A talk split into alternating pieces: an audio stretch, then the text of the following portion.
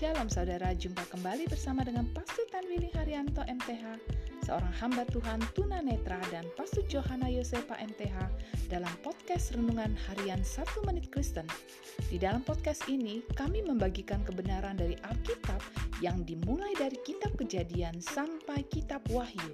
Selamat menikmati.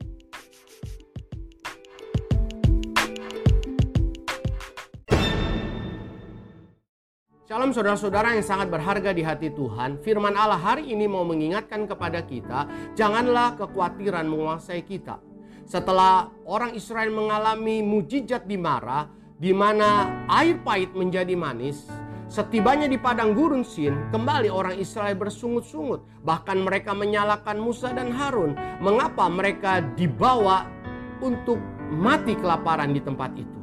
Saudaraku, Allah sebenarnya sedang mengajar untuk kita tidak dikuasai oleh kekhawatiran. Sebab akibat kekhawatiran kita dapat melupakan mujizat yang Allah telah berikan untuk kita. Sebab dengan kekhawatiran akibatnya kita dapat menyalahkan orang-orang baik yang ada di sekeliling kita. Untuk itu, janganlah kekhawatiran sampai menguasai kita. Ingat, masih ada Allah yang dapat menolong kita. Amin.